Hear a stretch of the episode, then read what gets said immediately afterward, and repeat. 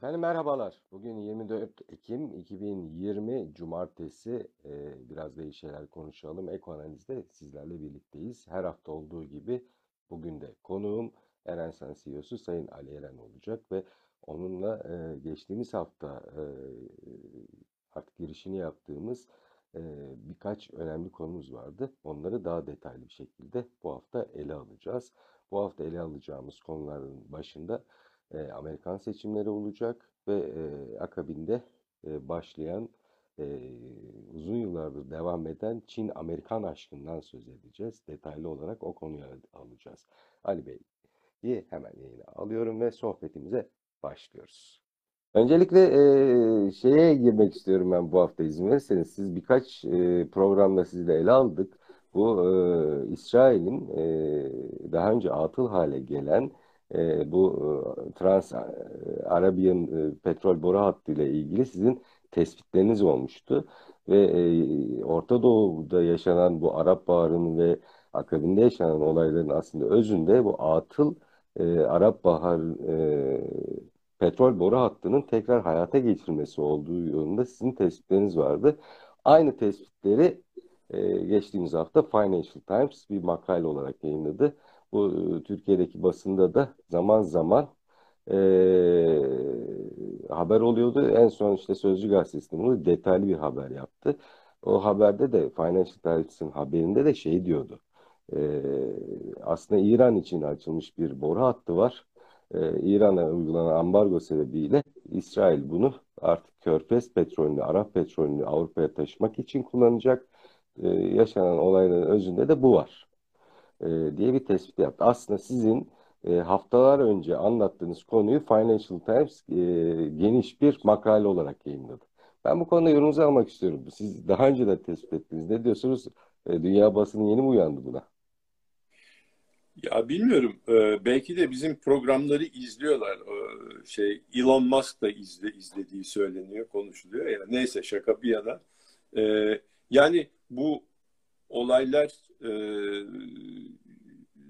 haritaya baktığın zaman ve doğru haritaya bakıyorsan zaten bunları görmemek mümkün değil yani çünkü insanın yüzüne çarpıyor bunlar o kadar şey. Şimdi de Google'da her türlü harika, haritayı indirebiliyorsun. Özellikle e, bu e, pipeline'ların haritasına yani gas pipeline'lar işte veyahut da petrol e, pipeline'ları haritalarına mutlaka bakılmasını ben e, e, tavsiye ediyorum.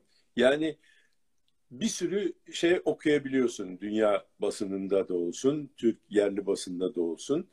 O kadar seni yanlış yönlendirebilirler ki. Ha onu okuyup sen diyorsun ki ya burası yani yazmış bak bir şey herhalde bir şey biliyor ki yazıyor. Ama haritaya baktığın zaman yazılanın aslında çok saçma bir şey olduğunu anlıyorsun. Mesela çok basit bir örnek. Ee, şimdi Kuveyt Savaşı oldu değil mi 90'da?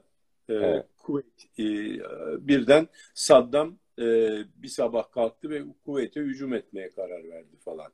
Yani aslında haritaya baksan e, Kuveyt'e günün birinde mutlaka Saddam'ın veyahut da Irak'ta kim varsa o sırada mutlaka Kuveyt'e almak isteyeceği kesin belli. Orası sanki e, Irak şişesinin e, tepesine bir mantar gibi e, yapıştırılmış ve körfeze rahatça açılmasını yani ana petrol üreten bir e, ülkelerden bir tanesi hem de. Yani turizm için atılmayacak orada.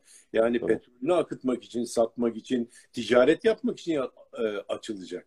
Sen bakıyorsun orada e, a, a, Kuveyt diye bir mantar tıkamışlar onun şeysine, e, ucun. Fav vardır orada Şattül Arap. Şattül Arap'ın e, yanında bir dar bir koridor bırakılmış Fav diye bir evet. yer. Ki öyle bir şey ki Şattül Arap'ın 30 kilometre galiba değil mi? İran, evet. evet. Kuzey kısmı İran.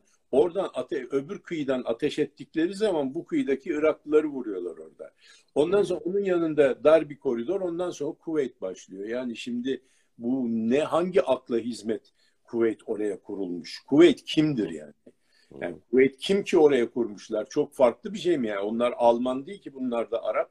Onlar da Arap, bunlar da Arap.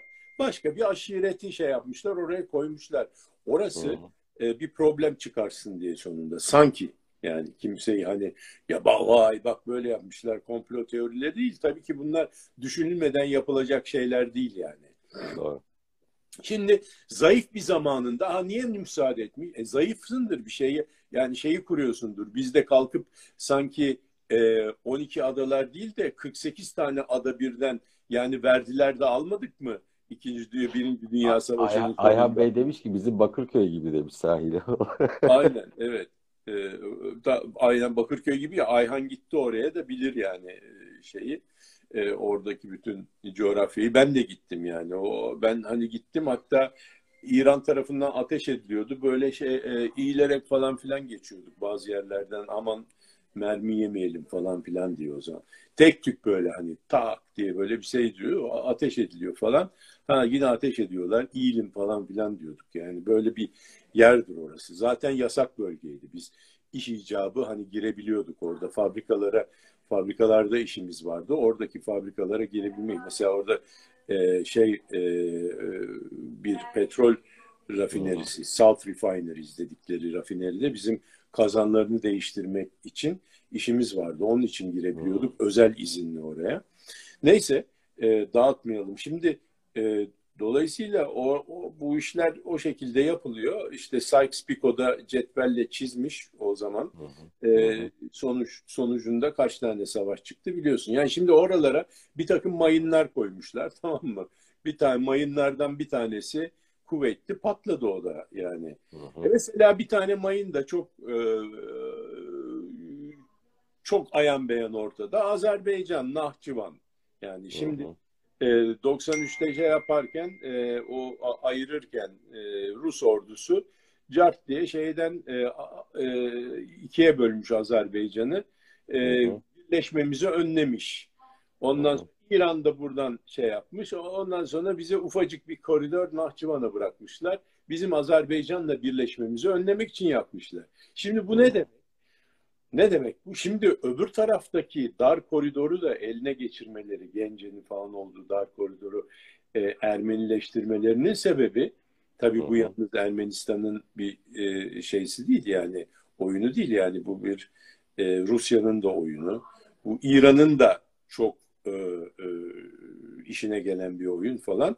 Dolayısıyla orayı e, kalınlaştırıyorlar ki orayı Türkiye e, günün birinde e, ittirip açı vermesin diye. Onu kalınlaştırma çabası o.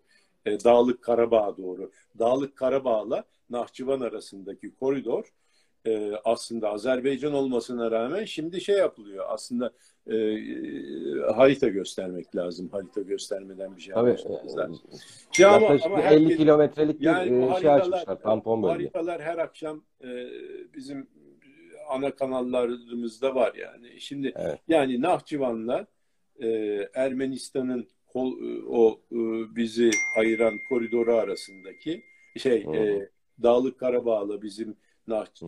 Türkiye'yi e, şeyden ayıran daha doğrusu e, Nahçıvan'la e, e, Azerbaycan'ı birbirine ay- ayıran Ermenistan'ın toprağı ile e, Dağlık Karabağ arasındaki koridor orası e, Ermenileri koymuşlar. Oralı, orayı Ermeni nüfusu artırmışlar ki orayı birleştiriverecekler Nahçıvan'la şey, e, şey Dağlık Karabağ'la. Ve soru, dolayısıyla soru, neticede soru, neticede soru- bu işin olmasını önlemeye çalışıyor. Çünkü a, ayan beyan ortada. Günün birinde Türkiye şartlar müsait olduğu zaman yani eminim ki Türkiye'nin e, dış işlerinde ve devletin e, derin devlet dediğimiz yer Türkiye'de varsa orada mutlaka burası uygun bir zamanda mutlaka delinerek alınacak diye bakılıyor ve konjonktür kullanıyor. Yani konjonktür uygun olduğu de test zaman ediliyor şu an. Evet, dolayısıyla konjonktür uygundur. Çünkü şeyin e, mevcut e, e, Cumhurbaşkanı ile Ermenistan Cumhurbaşkanı ile Rusya'nın arası bozuktu. Heh, oraya Bütün Rusları, konuyu. ha, bütün Rusları yani kendi e, şey de Ermenistan'ın içerisindeki Rus bürokrasisini e, enterne etti. Yani zararsız hale getirdi. Dolayısıyla Rusya'nın tam kızdı ha tamam işte Rusya yardım edemeyecek. Rusya ile araları bozuk diye bizim şeyle Azerbaycan'da direkt e, o operasyona Şimdi başladı. Amer- Amerika'yı çok iyi bilen bir insansınız. Yani hem orada eğitim aldınız hem orada akademisyenlik de yaptınız bir dönem. Dolayısıyla e, izleyicilerimizin bazıları soruyor. Çok Amerika konuşuyorsunuz. Bu kadar bilgiye neden hakim Ali Bey diye. Ali Bey uzun yıllar e, Amerika'da hem eğitim aldı hem de orada saygın bir üniversitede öğretim görevlisi olarak da çalıştığı için Ya Amerika'ya çok öğretim hakim. şey, Ama hani şimdi akademisyen olarak kendimi hiçbir zaman kabul etmiyorum. Orada evet sadece bir iş adamısınız, master yaparken, master yaparken bir e, asistanlık yani bir dersin asistanlık ekonomide bir dersin asistan mikroekonomi dersinde asistanlık yaptım e, iki sene. Dolayısıyla öyle bir tecrübem var ama hiç akademisyen olarak değil yani. Yani E, mikroekonomi dediğiniz zaman da aslında bu anlattığınız şeylerin özü var o konuda. Dolayısıyla da o konulara çok ya evet yani şimdi e, Bir şey sormak istiyorum bununla ilgili izin verirseniz. Ee, şimdi e, tespitinizde de söylediğiniz gibi şu an e, Ermenistan'ın e, Rusya Moskova ile arası kötü. Dolayısıyla o yüzden de çok fazla da Moskova müdahil olamıyor. Dün e, yakalanan Ermeni askerlerinin bazılarının itirafları televizyonlarda yayınlandı ve orada diyor ki e, Suriye'den ve Irak'tan getirilen e, PYD'li milisler e, çatışıyor. E, şimdi e, Rusya, biz Suriye'de e, Rusya ile birlikte hareket ediyoruz ağırlıklı olarak. E, Amerika'da PYD ile birlikte hareket ediyor ve görüyoruz ki e, Ermenistan'da e, Suriye'den bir takım paralı askerler oraya götürmüş. E, 600 dolar ödendi kişi başına söylüyor yakalanan, esir alınan Ermeni askeri. E şimdi bu e, özellikle Ermenistan'la Moskova'nın arasını açacak temel faktörlerden biri de olacak. E, valla Ermenistan şimdi daha da mı as, yalnızlaştırılıyor? aslında aslında bu tamamen ya zaten her akşam kanallarda saatlerce bunu e, çok iş, işin içerisinde olan e, şeylerimiz, büyükelçilerimiz var. Ondan Evet. sonra generallerimiz var. Onlar konuşuyorlar. Amirallerimiz var. Dolayısıyla o konuya fazla gi- girmeyelim istemiyorum ama ben sadece şunu vermek istedim. Yani tabii e, Yani Ermenistan daha şey Amerikan yanlısı bir tutuma girdiği için belki Rusya daha çok onun arkasına hamilikten ya şimdi uzaklaşacak. orada yalnız bu kadar olabilir. basit değil yani. Orada çok daha Evet. e, girift hadiseler var yani herkese. Ama ben sadece şu kısmına e, hani güncel olayları değil ben sadece şu kısmına parmak bakmak istedim. Yani haritaya baktığın zaman coğrafya hı. sana her şeyi söylüyor zaten. Söylüyor. Bu e, Kuveyt'te de söylüyordu. Yani Kuveyt'te günün birinde buraya Irak burayı alacak veyahut da almaya çalışacak. Yine bitmedi, yine alacak. Yani belki 30 sene sonra Kuveyt'e yine bir taarruz olacak. Yani orası kesin. Hı hı. Yani sadece zaman, vakti, zamanı geldiği zaman hani dedikleri gibi. E, aynı şey Nahçıvan için de geçerli. E, ondan sonra ve e, şey için de Dağlık Karabağ için de geçerli. Azerbaycan'la Türkiye mutlaka birleşecek. Yani ülke Hı. olarak birleşmese bile hiç olmazsa coğrafya olarak e, rahatlıkla Komşu olacağız. girip çıkılabilecek, komşu olacak bir şey olacak. Yani bunlar ikisinin birbirinden ayrılması söz konusu bile değil. E bak e, şey Doğu Almanya ile yani Berlin'le Almanya birleşmedi mi? Hı hı. Değil mi? Yani e, Doğu Berlin, Almanya e, ulaşılamıyordu. Ancak uçakla gidebiliyordun izinle. Ayhan Bey'in söylediği gibi özellikle Anglo-Saksonların çizdiği sınırlarda mı bu e, öngörüler gerçekleşecek? Ya işte kim olursa olsun orada hakim olan e, sınırları çizenler orada hakim olanlardır. Yani kim hakimse sınırları o çiziyor yani. Burada bugün Anglo-Saksonlar, yarın Çinliler hakim olup onlar gelip başka sınırlar çizebilirler. Ama onların şeyleri farklı. Mesela bir İngiliz zihniyeti e, bir Çin zihniyetinden çok farklı olacaktır. Yani İngiliz yani çok başka bir e, stratejik e, zekaya sahip ve onlar zamanında Hindistan'dan şeye kadar yani Amerika'ya kadar bütün dünyayı bir şekilde soft power olarak kontrol etmişler. Neyse oralara girmeyelim. Mesele şimdi bu petrol işinden çıktı. Baktığımız zaman haritaya baktığımız zaman sen dedin ki Aa, bak bizim gördüğümüz yaptığımız tespiti şimdi e, şeyde Financial Times'da makale çıktı falan filan. Ya bunu herhalde bakan kimse hani biz nasıl görüyorsak onlar da görüyorlar bunu. Yani zaten olan olaylar seni onu görmeye de e, e, zorluyor. Ya diyorsun bayram değil, seyran değil. Yani bu kadar birbirlerine düşmandı. İsrail'le bir anda Saudi Arabistan e, ne oldu? Birbirine o atladı. Dışişleri Bakanı oraya gitti. El sıkıştılar. Oradan uçtu ya. Buradan aslında Yahudi sinek bile uçamayacak bir yerden nasıl uçtu? Onlar da dediler ki yani ya uçabilir tamam artık uçsun ya yeter falan filan de. Birden böyle barışçıl yani bu, e, sevgi, barış ve kardeşlik şeyleri e, şey yaptığı zaman da hemen şey yapacaksın tamam mı? Ne oluyor diyeceksin tamam mı? Sevgi, barış ve kardeşlik. Çünkü insan sevgi ve barış ve kardeşlik e, timsali bir e, hayvan değil yani. insan biraz daha böyle e, yani e, homus pragmatik homo homonol e, hominus derler ya yani hani e, homo homonlipus derler. Yani insan insanın kurdudur. Daima za, zayıf tarafını bulup mutlaka ondan faydalanmak ister. Dolayısıyla böyle çok fazla mucuk mucuk sevgi, barış ve kardeşlik olduğu zaman şüpheleneceksin. Ulan ne oluyor diye hemen haritaları açıyorum ben o zaman bakıyorum yani ne oldu diye. Ve nitekim öyle oldu. Onlar barıştılar. O sıra ondan önce diyorsun ki aa ya kardeşim bak Lübnan'da da bombalar patlamaya başladı. Bayram değil, seyran değil. Lübnan zaten böyle çok e, tekin bir yer değildi ama bombalar niye patladı? Adamlar kendi memleketlerinde niye bu bombaları patlatsınlar falan filan. Bakıyorsun ki aa, oradan Trans-Arabian e, Petroleum Line geliyor. Şimdi bakalım tekrar o zaman mesela e, şöyle bakalım. Ee, ben başı, sohbetin başını kaçıran izleyicilerimiz için siz harita yazılarken ben tekrarlayayım. Biz e, bundan e, birkaç program önce e, haftalarca Trans-Arabian Petrol Pipeline bayağı bir anlatmıştık. Arap Baharı'ndan bugüne gelen süreçte ve Arap dünyasının İsrail'e yakınlaşmasının kökeninde 1970'lerde açılmış ve daha sonra atıl hale gelmiş Trans-Arabian Petrol Pipeline'ın tekrar e, güncelleme çabası oldu. Hatta e, Türkiye'nin Doğu Akdeniz'deki e, Mavi Vatan e, projesinin de e, bunu engellemek için e, yapılmış e, çabalardan biri olduğuna da dikkat çekmiştik. Aynı konu bu geçtiğimiz hafta e, başta Financial Times olmak üzere ve e, pek çok dünya basında yer aldı. Türkiye'de de bazı medya kuruluşları, Sözcü Gazetesi olmak üzere de bu konuya bayağı bir geniş yer ayırdı ve uzun uzun e, tartışmaları neden oldu.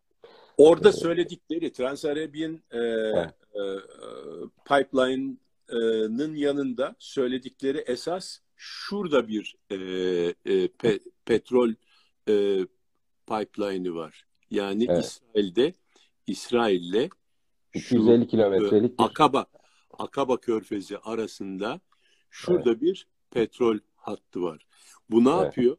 Süveyş kanalını bypass ediyor. Bakın bunun evet e, batısında Süveyş kanalı var. Mısır'ın gelir kaynağı. Dolayısıyla buradan ha buradan e, Kızıldeniz'den girip e, Akdeniz'e çıkacak veyahut da Akdeniz'den Kızıldeniz'e açılıp oradan e, Asya tarafına gidecek e, bir petrol e, taşımacılığının e,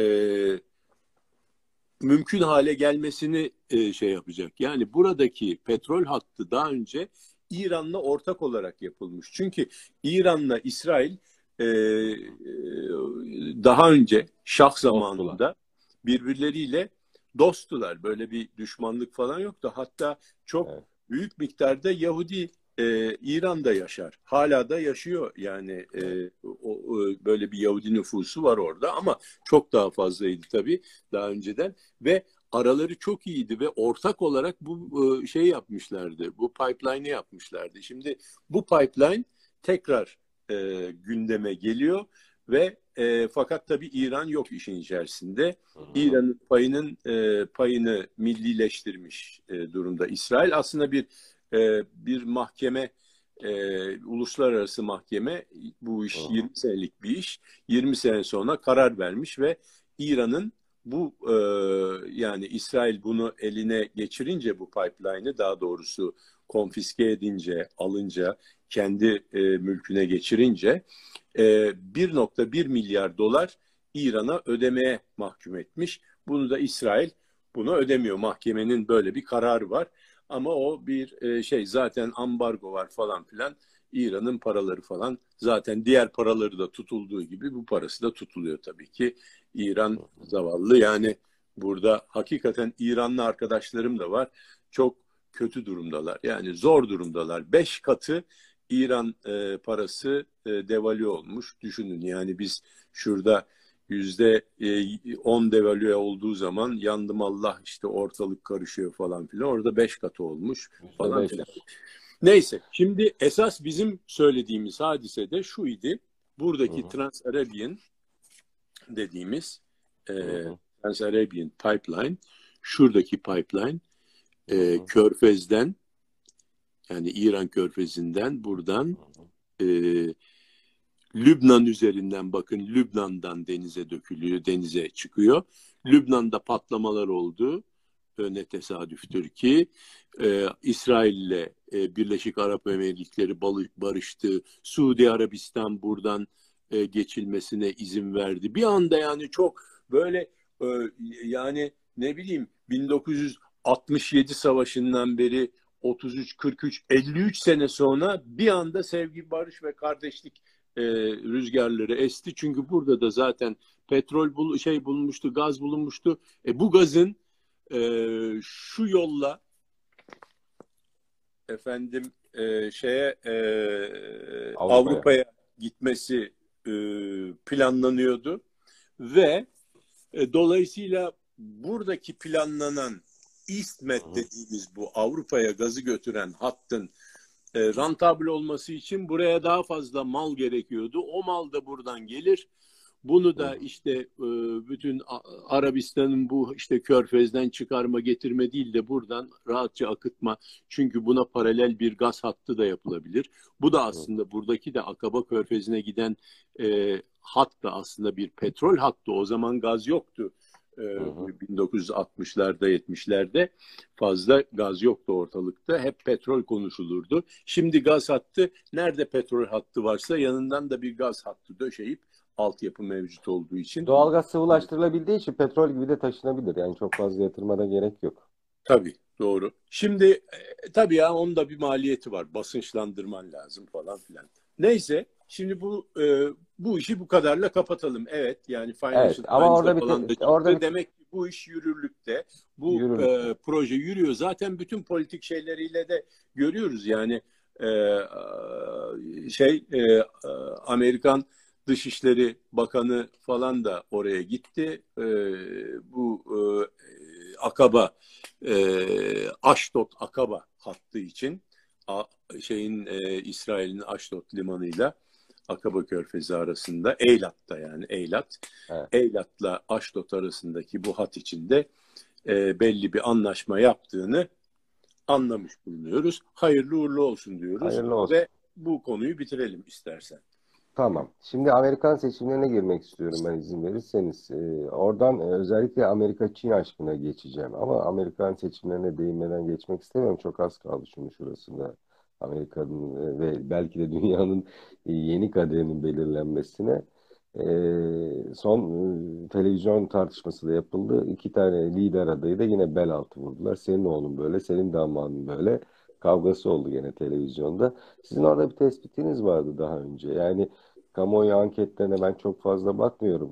Amerika'da birkaç tane hayati kararı, neticeyi belirleyecek eyalet var. Oradaki seçim sonuçları Amerika'nın kaderini belirleyecek demiştiniz.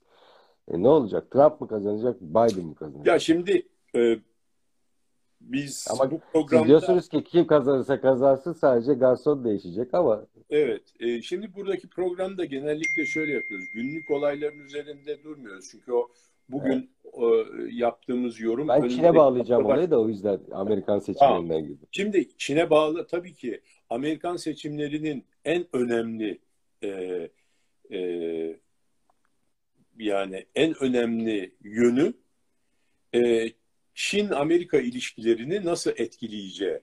Yani ne Türkiye'yi nasıl etkileyecek, ne efendim Avrupa'yı şöyle mi olur, böyle mi olur, yok efendim orada e, bizim açımızdan orada vergileri çıkartırlar mı, indirirler mi, o oralar falan filan yok efendim Black Power, işte Black Lives Matter hareketi var.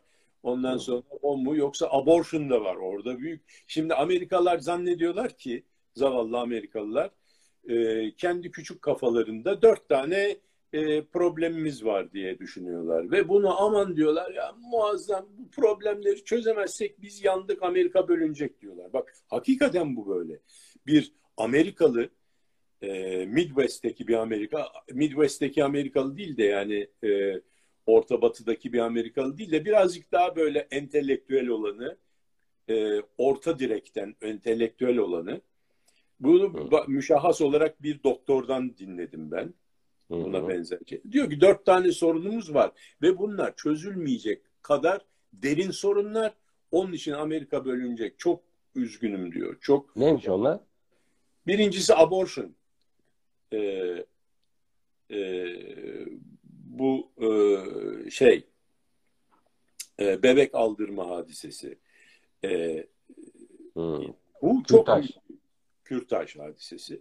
Hı Kürtaja izin verilsin mi verilmez. Aman efendim bu muazzam bir hadise. Hı Ve bunun ortası yok. Ya verilsin ya verilmesin. İzin verilsin ya verilmesin. Ya diyor bunun anlaşma şeysi yok. Yarı yarıya verilecek bir şey değil. Nasıl olacak bu diyor yani. Biz bölüneceğiz diyor. Öbürü e, işte Black Lives Matter diyor ki ya bu e, siyahlar bir taraf diyor ki bu siyahiler kalktılar işte e, bunlar bizim evlerimizi, arabalarımızı gasp edecekler. Buna karşı siyah nüfus da arttı. Yani buna, evet, buna karşı diyor bunların nüfusu da artıyor. Dolayısıyla ne yapacağız diyor. Biz beyazlar yandık diyor yani. Yandık yani. Ne olacak hı hı. falan filan. Biden gelirse polisin bütün şeylerini kesiyormuş, kesecekmiş. Ee, işte e, polise yapılan para yardımlarını. Hı. Dolayısıyla o zaman diyor e, nasıl sağlanacak dirlik düzenlik? Eğer polis mani olmazsa bu siyahlar bizim evlerimize hücum edecek günün birinde diye. Böyle bir korku var. Öbür tarafta diyor ki işte ve diyorlar ki öbür ta, üçüncü ikinci önemli problem bu. Üçüncü önemli problem gay rights yani e, e, şeylerin gaylerin hakları.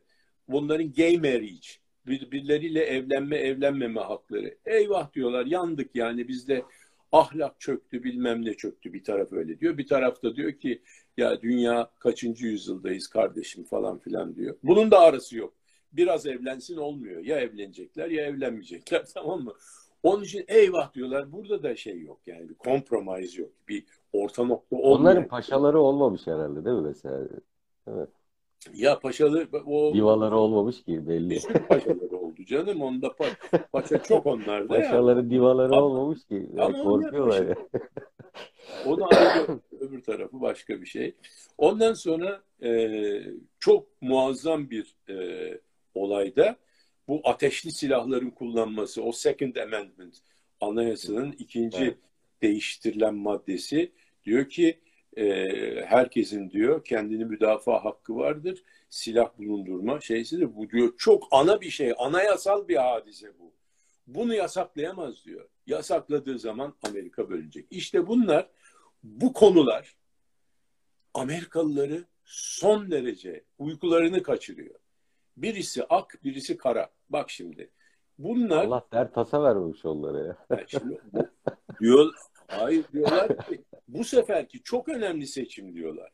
Amerika diyorlar kaderini seçecek.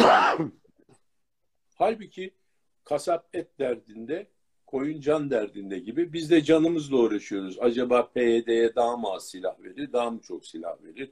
Yok Çin'le e, yapacağı bir e, böyle olağanüstü bir e, tedbir Çin'e uygulayacağı bütün dünya ekonomisini sarsacak şeyler. Yani biz 6 milyarın Dünyalı. problemlerini ile yatıp kalkıyoruz. Onlar orada 330 milyonun tamam mı e, günlük e, bu işte yok gay right'tı, abortion'du, carttı, curttu bunlarla falan uğraşıp yani şeylerimiz önce ajandalarımız çok farklı. Dolayısıyla farklı biz onların ajandalarını burada incelemiyoruz yani ve fundamental'lara bakıyoruz. Yani bu iş nasıl yürür Amerika'da hadise diyoruz ki Amerika'da kim gelirse gelsin servis yapan garson değişiyor. O hani daha iyi servis yapabilir ki o da önemli ama e, ama içerideki e, mutfak o kadar kuvvetlendi ki garsonun Hı hı. seçiminde de onların Hı bir hı. e, onayı olması gerekiyor. Çünkü Hı hı. çok kuvvetlendi. Mutfak diyor ki "Ulan her şeyi ben yapıyorum. Buradaki yemeğe kime ne verileceğini, kime ne yedireceğimizi de biz belirliyoruz diyor. O bu biz halbuki adama veriyoruz yemeği. Doğru düz gitmiyor. Bazen yanlış ya- masaya falan verdiği oluyor. Boş ver diyor. Bak be- benim adamım diyor garson. Benimle iyi geçinen adam diyor garson olsun diyor. Onların da öyle bir garson seçimine bir şeyleri var. Müdahaleleri var. Diyoruz ve bunu burada kapatalım. Bunun ötesi yok çünkü şimdi biz Ya bu konuya şundan Toto- dolayı girdim. oynamayalım burada. Yok Efe Biden kazanırdı da bilmem ne orada. Konuya şundan dolayı girdim. Şeye getirmek istiyorum bu e, Çin-Amerikan aşkına. Çünkü e, özellikle Trump döneminde Çin'le başlayan ciddi bir ticari kavga vardı. Ve Çin e, mallarına karşı ciddi bir e, tedbirler almıştı Çin menşeli mallara karşı. E, Trump kazanırsa sanki bu artacak e, ya da Biden gelirse artmayacak mı gibi böyle algısal şeyler var. E, bu e, Çin-Amerikan aşkı sizin de daha önce söylediğiniz gibi 1970'li yılların Nixon'ın e, e, e, direkt Pekin'deki temaslarıyla başlıyor. Bir, isterseniz girelim yarım saate yakında bir konumuz var. Şöyle Evet, geniş tamam. geniş bu konuyu ele alalım. Yani Doğru. yaklaşık 27 dakikamız var bu konuyu konuşabileceğim. Tamam. Timing'e dikkat ettiğin iyi oldu. Çünkü ben e, etmiyorum konuşurken genellikle. Evet. Onun Arada için bir gözüm saatte ikisini yapması lazım. Şimdi Evet. e, e, bu bir Çin-Amerikan aşk hikayesi. Bizim gençliğimizde hikayesi. evet, Kavga değil. Love Story vardı. Love Story.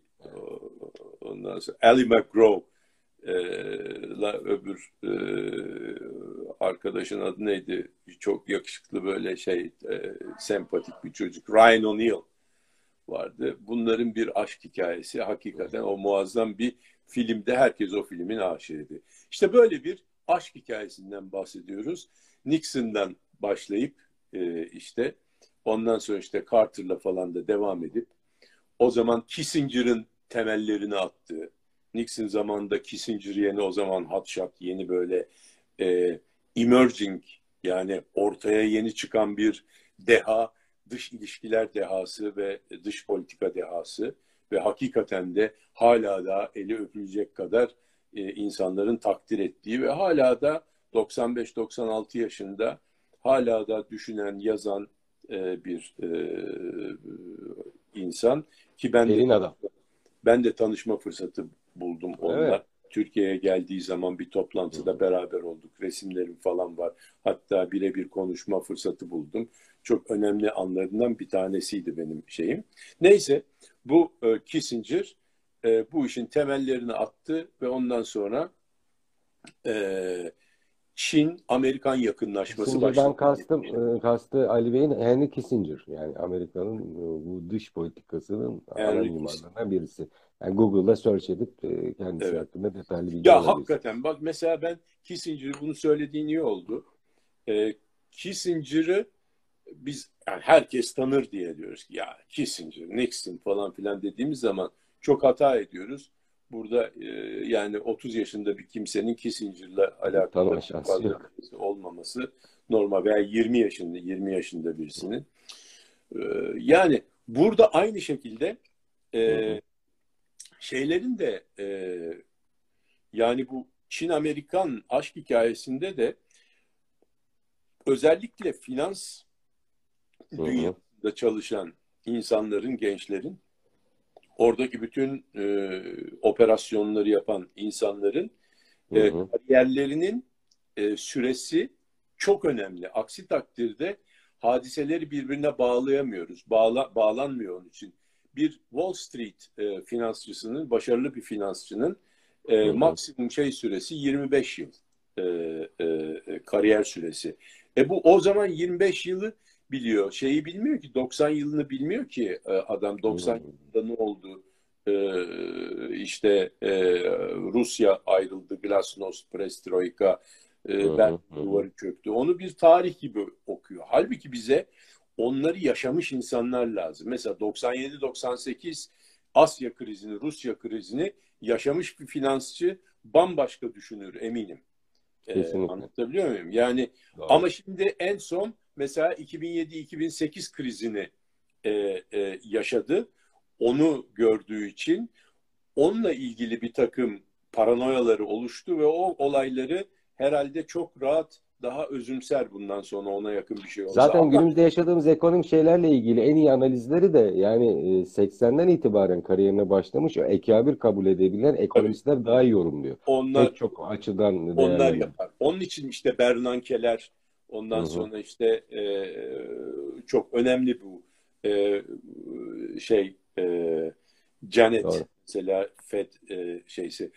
Yani Paul Volcker zamanından başlıyor. Bu Alan. Greenspan falan filan bunlar e, çok önemli bu tarihin e, önemli e, fonksiyonerleri olmuş sadece izleyenleri de. Şimdi söyleyeceğimiz şey şu. Bir aşk hikayesi bu. Şöyle bir aşk hikayesi. Tamamen Finansman- duygusal aslında. Tamamen duygusal. Bu şekilde duygusal. Evet. Şimdi ne oldu? Ee, e, bu fila- şey e, Çin ve e, Amerika'nın e, bir ortak simbiyotik yaşam, ortak yaşam. Hı hı. Bunlar sadece platonik bir aşk değil, aynı e, beraber aynı eve taşındılar. Dolayısıyla e, bir tanesi üretti, bir tanesi finans e, e, hem üretti, finans sağladı, öbürü de finansla e, ticaret motorunu çalıştırdı Amerika. Yani e, şimdi e, şöyle bir e,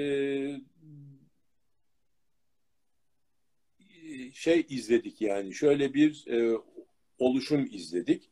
Çin e, 1994 yılında e, yaptığı devalüasyonla muazzam bir e, e, e, rekabet gücü yakaladı. Ve ondan önce de zaten e, rekabet gücü vardı ve Amerikan sermayesini bu yakınlaşma ile birlikte muazzam bir şekilde Çin'e çekti. Çin'de Amerikalılar çok ucuza üret, üretmeye başladılar ve ucuza ürettikleri şeyler de Amerika'ya ve diğer Batı ülkelerine satılmaya başlandı. Böylece Hı e, Amerika'nın refahı arttı. Neden refah arttı? Adam aynı gelir seviyesinde daha fazla mal almaya başladı. Çin'den ucuz, Çin'de Hı hı. ucuzlandığı için. Yani o zaman bu sefer Amerikalılar ücret seviyelerini gelir 50'lerde, 60'larda, e, 70'lerde Japonya böyleydi değil mi? Amerika Japonya modeli de böyleydi. Evet evet. Japonya modeli böyleydi. Çin gelince Japonya'nın pabucu dama atıldı. Zaten o arada Japonya kalkınmış artık emerging market diye şey olmuştu. Normal gelişmiş Hatta ülkesi. benim gençliğim ilk dönemde Japon pazarları vardı. Sonra Çin pazarları oluşmaya Aynen. başladı. Ucuz O-. Aynen biz de o şekilde bunu e, izlemiş ve yaşamış olduk. E, e, Japon mallarının şeysi onların ekonomik modeli çok daha farklı olduğu için onların Hı hı. fiyatları yükseldi. Artık Amerikan ekonomisi için bu e, yani hayati e, bir önemi olan bir e, yer olmadı. Japonya'nın başka önemleri var stratejik. Hı hı. Hatta Çin'e karşı bir uçak gemisi Amerika'nın. Japonya, Amerika'nın Evet, Çin'e evet, evet. Çin önünde park etmiş bir uçak gemisidir. Doğru. Dolayısıyla Çin'i tehdit eder devamlı. Hı hı. Japonlar değil ama Amerikalılar Japonlar vasıtasıyla Çin'i tehdit ettiklerini düşünürler. Hı hı. Hı hı. Japonlar bunu istemeyerek yapıyor şu anda. Yapmak zorunda Ya kalıyor. yapma abi diyorlar ya. Ben, ben yani ben ölmek istemiyorum ya. Ne istiyorsun falan. Yok diyor sen orada otur. Sen yenildin 2. Dünya Savaşı'nda. Orada benim askerimsin. Sen orada nöbet tutacaksın kardeşim. Peki abi diyorlar ne yapalım yani falan.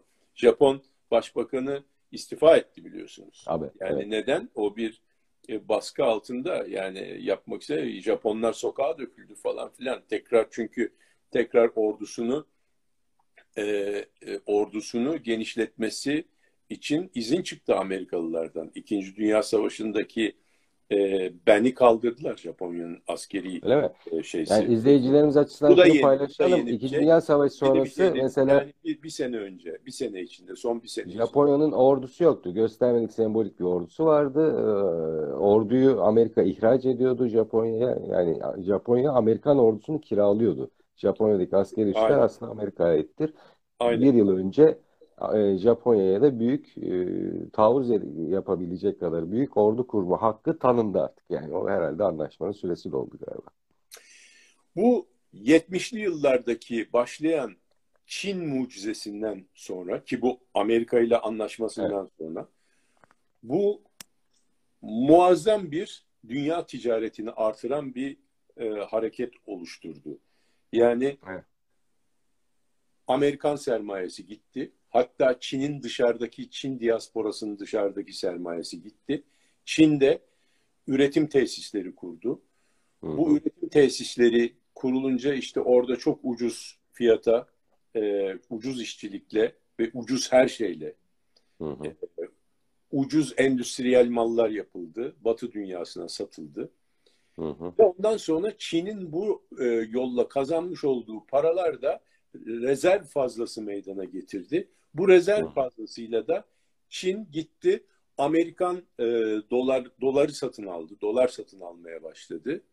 Ondan sonra ve Amerikan doları denomine edilmiş yani Amerikan doları cinsinden satılan enstrümanlara muazzam bir talep gösterdi.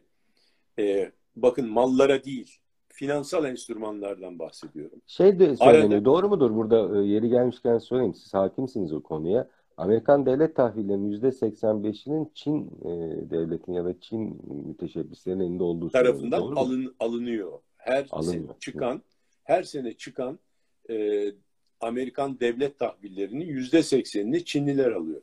Şimdi yani Amerikalılar Çinlere borçlu aslında. Evet yani, tabii. Aynen. Ee, bir emme basma tulumba gibi e, çalışıyor sistem. Hı-hı. Çin e, muazzam rezervleriyle Amerikan parasıyla ölçülen finansal Hı-hı. enstrümanlar ve Amerikan parası satın alıyor. Renminbi yani Çin parası e, böylece dolara karşı daima düşük e, durumda seyrediyor. Çünkü neden? Amerikan dolarına e, renminbi ile Amerikan doları satın aldığın zaman dolara talep artıyor. Dolara talep arttığı zaman e, tahvillerine Amerikan devlet tahvillerine de talep artıyor. Amerikan de, devlet tahvillerinin fiyatı artınca e, yieldları yani getirileri düşmüş oluyor. Yani bu da faiz oranları üzerinde muazzam bir baskı yaratıyor ve faiz oranları düşüyor. Bu bütün 2007'ye kadar çıkan giden süreç içerisinde Amerika bu suretle neleri sağladı? Neleri sağladı? Birincisi e, bir defa Amerikan e, halkının refahını arttırdı. Onların ücretlerini artırmadan dikkat edin. Onların ücretlerini artırmadan refah arttı. 100 liraya 100 dolara e, bir tane buzdolabı alırken adam iki tane buzdolabı alabiliyor. Dolayısıyla refah seviyesi artıyor. Daha fazla bir gelire ihtiyacı yok. Yani bunu egzajere... Çok güzel bir matematik kurmuşlar yani. Tabii yani şimdi gelir artması var ama gelirin arttığından çok daha yüksek bir refah artışı var. Çünkü aynı malları daha ucuza alabiliyor artık Amerika'da. Bir refah artıyor. İki, e, faiz oranları Çin sayesinde baskı altında tutuluyor. Çünkü Amerikan tahvillerine talep yüksek olunca Amerikan tahvil fiyatları Fa yükseliyor. Faiz. Getirisi düşmüş oluyor. Getiri düşünce e, faizler düşüyor. Faizler düşünce Amerikan şirketleri muazzam kar ediyorlar. Onlar da yatırım yapabiliyorlar. Yani düşük faizle yatırım yapabiliyorlar. Ee, böyle bir e, döngü. E, hem ücretleri bu arada Çin'de ücretler düşük olduğu için Amerika'daki ücretler artamıyor bir türlü. Dolayısıyla enflasyonu önlemiş oluyor. Ya Amerika faizini düşürmüş o düşük tutmuş oluyor, enflasyonunu düşük tutmuş oluyor. Ondan sonra halkının refah seviyesini artırmış oluyor. Ondan sonra istediği kadar ne kadar para basarsa bassın alan bir Çin var karşısında. Yani e, para gerektiği zaman Çin'e e, satıyor tahvili, alıyor parayı. Onunla bütün istediklerini, bütün bu arada bu paralarla Amerikan hükümeti e, e, yani e, askeri gücünü falan da artırabiliyor. Yani muazzam bir Amerikan e, saltanatı ve Çin de bundan hiç şikayetçi değil. Halkının refah seviyesini artırıyor ve Çin'in şeysi en sonunda e, bu, e, gayri safi milli hasılası muazzam artıyor. Tabii. Fakat şöyle bir hadise var. Çin'de zenginler oluşmaya başlıyor Çin'de de. 350 bin tane Amerikan dolar milyarderi Çin'de vardı. 2000 yılının başında düşün. Şu anda çok daha fazladır. 350 bin tane Amerikan milyoneri. Milyarderi. Milyoneri, milyoneri. Şimdi milyarderleri var. Da benim söylediğim 2000 rakamı. Hı hı. Fakat e, fakat gel gelelim e, bu gayri safi milli hasıla sıralamasında e, e, per capita yani e, fert başına e, milli gelirde e, 10 bin dolar olan Çin fert başına milli gelirde 65 bin dolar olan e, Amerika'ya borç para verir durumunda. Yani çok zengin bir adam çok fakir bir adamdan sürekli Borç bir şekilde borçlanarak kendi refah seviyesini artırıyor gibi bir şey. Hı hı. Bu şimdi 10 bin dolar dediğim per capita Çin'in bu e, e, şey değil yani e, bugünkü rakamlar. bugünkü rakamlar. O günkü rakamlar yani 2000, 2000'li yıllarda bu 2000 dolardı düşün. Hı hı. 2000 dolarlık adam o zaman da Amerika'nınki 60 milyon dolardı. Yani ay, 60 bin dolardı. Yani 2000 dolar, 60 bin dolar, 55 bin dolardı daha doğrusu. 55 bin dolar 2000 yılında, 55 bin dolar 2000 yılında 2000 dolar. Yani kendisinden 22 kat daha zengin olan bir ülkeye sürekli Borç bir şekilde bütün istediği finansmanı sağlayan bir durum vardı. Burada e, Çin-Amerikan ilişkisinde. Peki son Hani 10 şey- dakikamız son 10 Ağustos, dakikamız Ağustos böceği ne bozdu bu büyüyü? ha, şimdi böyle Kavga bir eder hale geldi. Oraya oraya gelelim. gidiyoruz. Ee, Amerika eline geleni harcıyor. Çin ise eline geleni kenara atıyor. Yani tasarruf ediyor. Ne yapıyor? Bir kısmını altyapı yapıyor. İşte trenler, highway'ler, işte e, şeyler, otobanlar, yollar, e, onlar, hanlar, hamamlar, ondan kervansaraylar, tamam mı? Evet. Ondan sonra geri kalanını da kenara atıyor. Amerika ise eline geçeni har vurup harman sarılıyor. Çin mallarını alıyor. Ağustos böceği karınca modelinin değişik bir tarzı. Tam değildir yani. Onun, oradaki nüansları da hani şey olarak parantez içerisinde Evet. şey yaparak Ağustos böceği karınca hikayesi gibi bir böyle bir muazzam bir mutluluk, bir aşk efendim birbirine yani birbirini tamamlama e, şeysi bir simbiyoz, simbiyotik bir model biyolojide vardır. Birlikte yaşam tarzı. Birbirine işte birinin eksiğini öbürü tamamlayarak işte Hı hı. böyle hayvanlar vardır. Bir simbiyotik bir yaşam Evet evet evet. devam ediyor. Özellikle denizdeki Evet. canlılarda çok görülür, görülür bu. Evet. e, Çin'in rezerv artışı Amerika'nın tahvil e, artışıyla e, paralel bir şekilde gidiyor. En sonunda Amerika için ucuz işçilik, Amerika için ucuz mallar, ABD'li şirketler Çin'de ucuza üretip e, sattıkları için karları muazzam artıyor. Şirketlerin karları muazzam arttıkça borsalar coşuyor, azıyor. Oradan insanlar Amerika'da ve e, Batı'da yine kar içerisinde yüzüyorlar. Yalnız şeyden aldıkları maaşla değil de bu paraları götürüp şeye yatırıyorlar Amerikan şirketlerine. Oradan da para kazanıyorlar. Bir wealth effect dediğimiz bir e, servet etkisi diye bir şey çıkıyor. Ve bu Amerika'da e, daha da fazla etkisi. artırıyor. Servet etkisi e, zengin oldum hissi. Yani Hı. yatırıyor o parayı, aldığı parayı, gidiyor kendine her şeyi alıyor. Hala da parası artıyor. İşte e, Biz ve Türkler onu da, bu, bu hissi hiç yaşayamayacağız herhalde. onu da onu da borsaya yatırıyor. Şu anda Türkler o hissi bazı Türkler yaşıyorlar. 300 bin tane hesap açıldı. E, millet borsaya giriyor şeyde Türkiye'de de. Dolayısıyla böyle e, Amerikan hazinesi bir taraftan milyar dolarlık bonolarını Çin'e satıyor. Bu da e, işte e, faizleri düşük tutuyor. Ondan sonra e, şeyleri e, enflasyonu düşürüyor falan filan böyle bir e, şey içerisinde güzel bir e, hayat e, gidiyor. Şimdi burada neticede Çin artı ABD, şimdi dünya açısından bakarsak bu duruma, bu aşk, aşıklar açısından bakarsak durum böyle. Bir de dünya etraf magazin yani bu daima bir aşk olursa onu El alem ne der? Ta- takip eden de bir magazin var değil mi? Magazin dünyası da takip ediyor onu. Bak şöyle yapmış, böyle yapmış. Şimdi dünya yüz ölçümünün yüzde onunu e, e, ancak teşkil eden bir Çin artı Amerika, dünya nüfusunun yüzde yirmi beşini teşkil eden bir Çin artı Amerika, gelirin aşağı yukarı şu anda yarısını paylaşıyorlar dünya nüfusunun.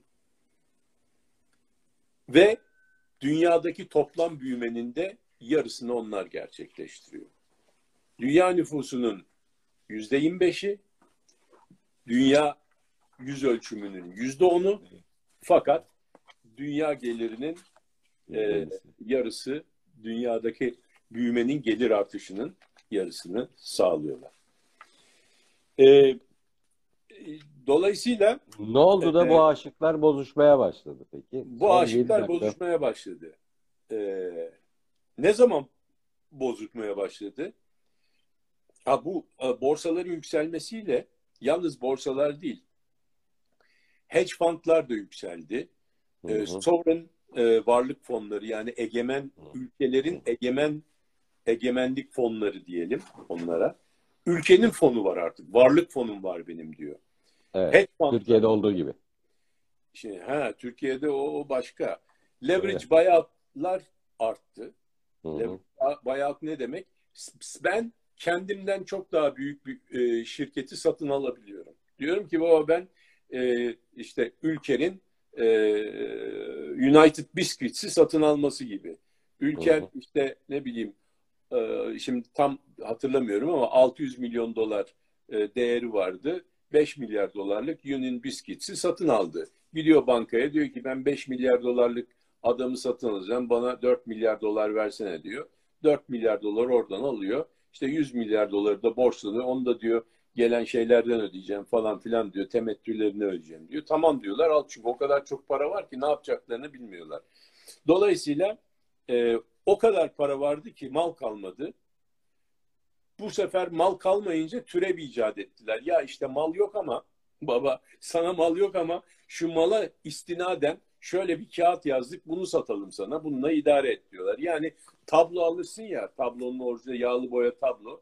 E, abi o çok güzel tablo e, fakat o çok pahalandı. E, çok isteyen var. Sana e, şeysini litografisini Fotoğrafını verelim. satalım. Ondan 20, ha, 20 tane fotoğraf yaptık onu verelim gibi bu şeyler. E, şimdi bu sefer bu sefer ne oldu? Bir de şey var. Bu sefer dediler ki ya başka mallar da var. Ne var? Elle tutulur, gözle görülür real estate yani emlak A- Amerika'da bir e, zaten orada şey çok önemli bir lokomotiftir. Esas lokomotif sektörün e, yapı sektörü olduğu yer Amerika. Amerika'da birden tabii hemen e, bu inşaat sektörü patladı. E, bu sefer mal var, para var, adam yok.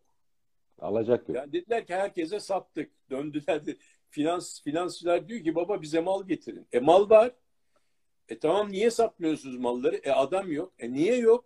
E çünkü hepsinin kredi limitleri doldu. Yani bu adamların geliriyle bu kadar mal alabilirler. Bundan sonrasını biz satamayız yani kusura bakma. O zaman Türkiye'de dedi, bulun. gayrimenkulde Adam bulun şu anki Adam durum. bulun. Adam bulun satalım dedi ya. Bak ilk defa para var. Mal var. Adam yok. Bu sefer Şu an gayrimenkuldeki Türkiye'deki adam durum. bu. Adam buldular. Adam bulurken yeni adamları buldular getirdiler. Mesela İspanya'da da oldu. Bütün Batı dünyasında oluyor bu. İspanya'da Güney Son Amerika'dan gelen göçmenlere sadece bir şey olsun abi. e, pasaport olsun, nüfus kağıdı olsun. Ona dediler ki bak sana ev satıcıya git ya ben ev alamam dedi adam. Dediler ki ya merak etme bak ev alacak. E ben nasıl öderim ya çok az dediler. Seni 40 yıl 50 yıl dediler şey yapacağız. E, 300 euro da verirsin. Sen dediler zaten 1000 euro kazanıyorsun burada. 300 euroyu da oraya var ya adamın çok hoşuna gitti. Gir şimdi dediler. Üstelik orada otur kira verme. Adam çok hoşuna gitti aldı. Bu sefer adam bulma hadisesi bu. Amerika'da ise göçmenler yetmedi. Bak Amerika'nın göçmen politikasını görüyorsun değil mi? Adam lazım olduğu zaman kapıyı biraz açıyor, barajı takır takır alıyor içeri. Onlara da sattılar. Yine şey yapmadı, gitmedi. Bu sefer dediler ki ya sattığımız adamları ikinci, üçüncüyü satalım. Satın dedi ya. Ya finans dünyası çünkü düşünmez ki ya abi satın ya boş ver. Ya bunlar nasıl ya sonra düşünürüz ya bunların fiyatı yükseliyor zaten o fiyat yükselişinde o onu öder falan filan. Böyle bir titan oyunu e, saadet e, zinciri e, geldi. Ondan sonra adamı da buldular. Ondan sonra papazı da buldular en sonunda. 2007 krizi geldi. Orada Big Short'u seyredin. Big Short filmi muhteşem bir film ve Hı hı. hakikaten e, o dünyanın gerçek yüzünü benim gördüğüm en iyi yansıtan e, film. Son Şimdi iki dakikamız sonra- demek ki matematik bir yerde kilitlendi ve Çin'le Amerika düşman oldu. Yani e, şimdi neden Son iki düşman oldu? dakikamız. Neden düşman oldu? İ- 2007 yılına geldiğimiz zaman bu sefer Çin dedik ya hop bir dakika ya ben artık dedi yani orada kriz var bankalar batıyor bilmem ne oluyor falan filan.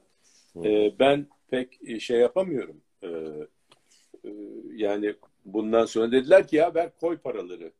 Satın al batan yerleri, finansal şirketleri. Sen de dediler bu işten zevk aldın. Biz de aldık. Bak biz şimdi kötü durumdayız. Sıra sende. Dediler ki ya ben hep zaten sizi o Çin dedi ki ben hep zaten sizi ben finanse ediyorum ama senin batık şirketlerinde finanse etmemi isteyemezsin yani. Batık Evet. finans sektörünü ben mi çıkartacağım dedi. O vermedi. Bu arada şey 2007 yılına kadar yükselen emtia fiyatları, olmaz ham madde fiyatları, petrol fiyatları vesaire Çin'i korkuttu, endişelendi ve Afrika'ya hücum etti. Hücum etti derken orada işte çeşitli kaynak şeyler ha o zaman ne oldu? Afrika'ya da girince bu sefer Batılıların e, kendi alanlarına girdi. Onların emperyal e, domainlerin içerisine girmeye başlayınca ha dediler yani bizim tabirimiz ve bizim kültürümüzle haremime girdin oldu. Haremime girdin çok önemli bir şeydir ya. Haremime girdin yani dedi. Çin e, Batı'nın haremine girince çanak Girince- çömlek patladı. Bu sefer çanak çömlek patladı. Ondan sonra kendi üzerine düşen şeyleri hani Batı'nın e, aklı sıra kendi e, şeyine düşen e, üstüne düşen görevi de yapmadı. Finansmanını da yeteri kadar devam etmedi. Devam etmeyince de dediler ki kardeşim e, getir bakalım oyun bozuldu. Kazan çömlek patladı. Senden artık almayacağız. İşte şeyi çekiyoruz, şunu çekiyoruz. Bu sefer bu şeyler başladı. Sen bizden şunu alacaksın, biz senden bunu almayacağız falan filan. Böyle bir kavgadır başladı. Yani o meşhur şarkıdaki gibi devlerin aşkı büyük olur ama Şu arada- ayrılış da büyük oluyor galiba. Şu ara o arada bir de şöyle bir şey var. Çin'i hep e, Son currency manipulation'la currency manipulation yani bir e, döviz kendi parasıyla ilgili manipülasyon yapmakla suçladılar. Aslında en büyük manipülasyonu Batı kendisi yaptı. Çünkü 600 milyar dolardan önce 7 milyar dolara çıktı. Ben şimdi Covid öncesinden bahsediyorum. Ko- Hı hı. 7 milyar dolara kadar para basmak suretiyle esas döviz ve para manipülasyonunu Batı ülkesi yaptı. Çinlilere bu suçu atmalarına rağmen diyorum ve hepinize iyi hafta sonları diliyorum. Süper, çok Gerisi, güzel bağladınız. Bundan sonrası bağlanmadı aslında. Bağlaması tarihe bağlayacağız. Birinci Evet. Dünya Savaşı öncesinde e, bir özel yine buna benzer bir durum var mıydı yok muydu? Onu bir dahaki e, programa e, konu olarak bırakacağız. Peki çok teşekkür ederim. E, bu keyifli sohbeti tekrarını izlemek isteyenler YouTube'da yarından itibaren biraz da iyi şeyler konuşalım e, kanalında bulabilirler. Ya da e, ben izlemek için fırsat bulamıyorum, dinlemek istiyorum diyorsanız da Spotify'da yine e, biraz da iyi şeyler konuşalım e, kanalında bu sohbetin tekrarını yarından itibaren dinleyebilirler. Ben çok teşekkür ediyorum Ali Bey size. Çok keyifli bir sohbetti. İyi hafta sonları diliyorum size. Görüşmek üzere. Sevgiler. Haftaya görüşmek üzere. Görüşürüz.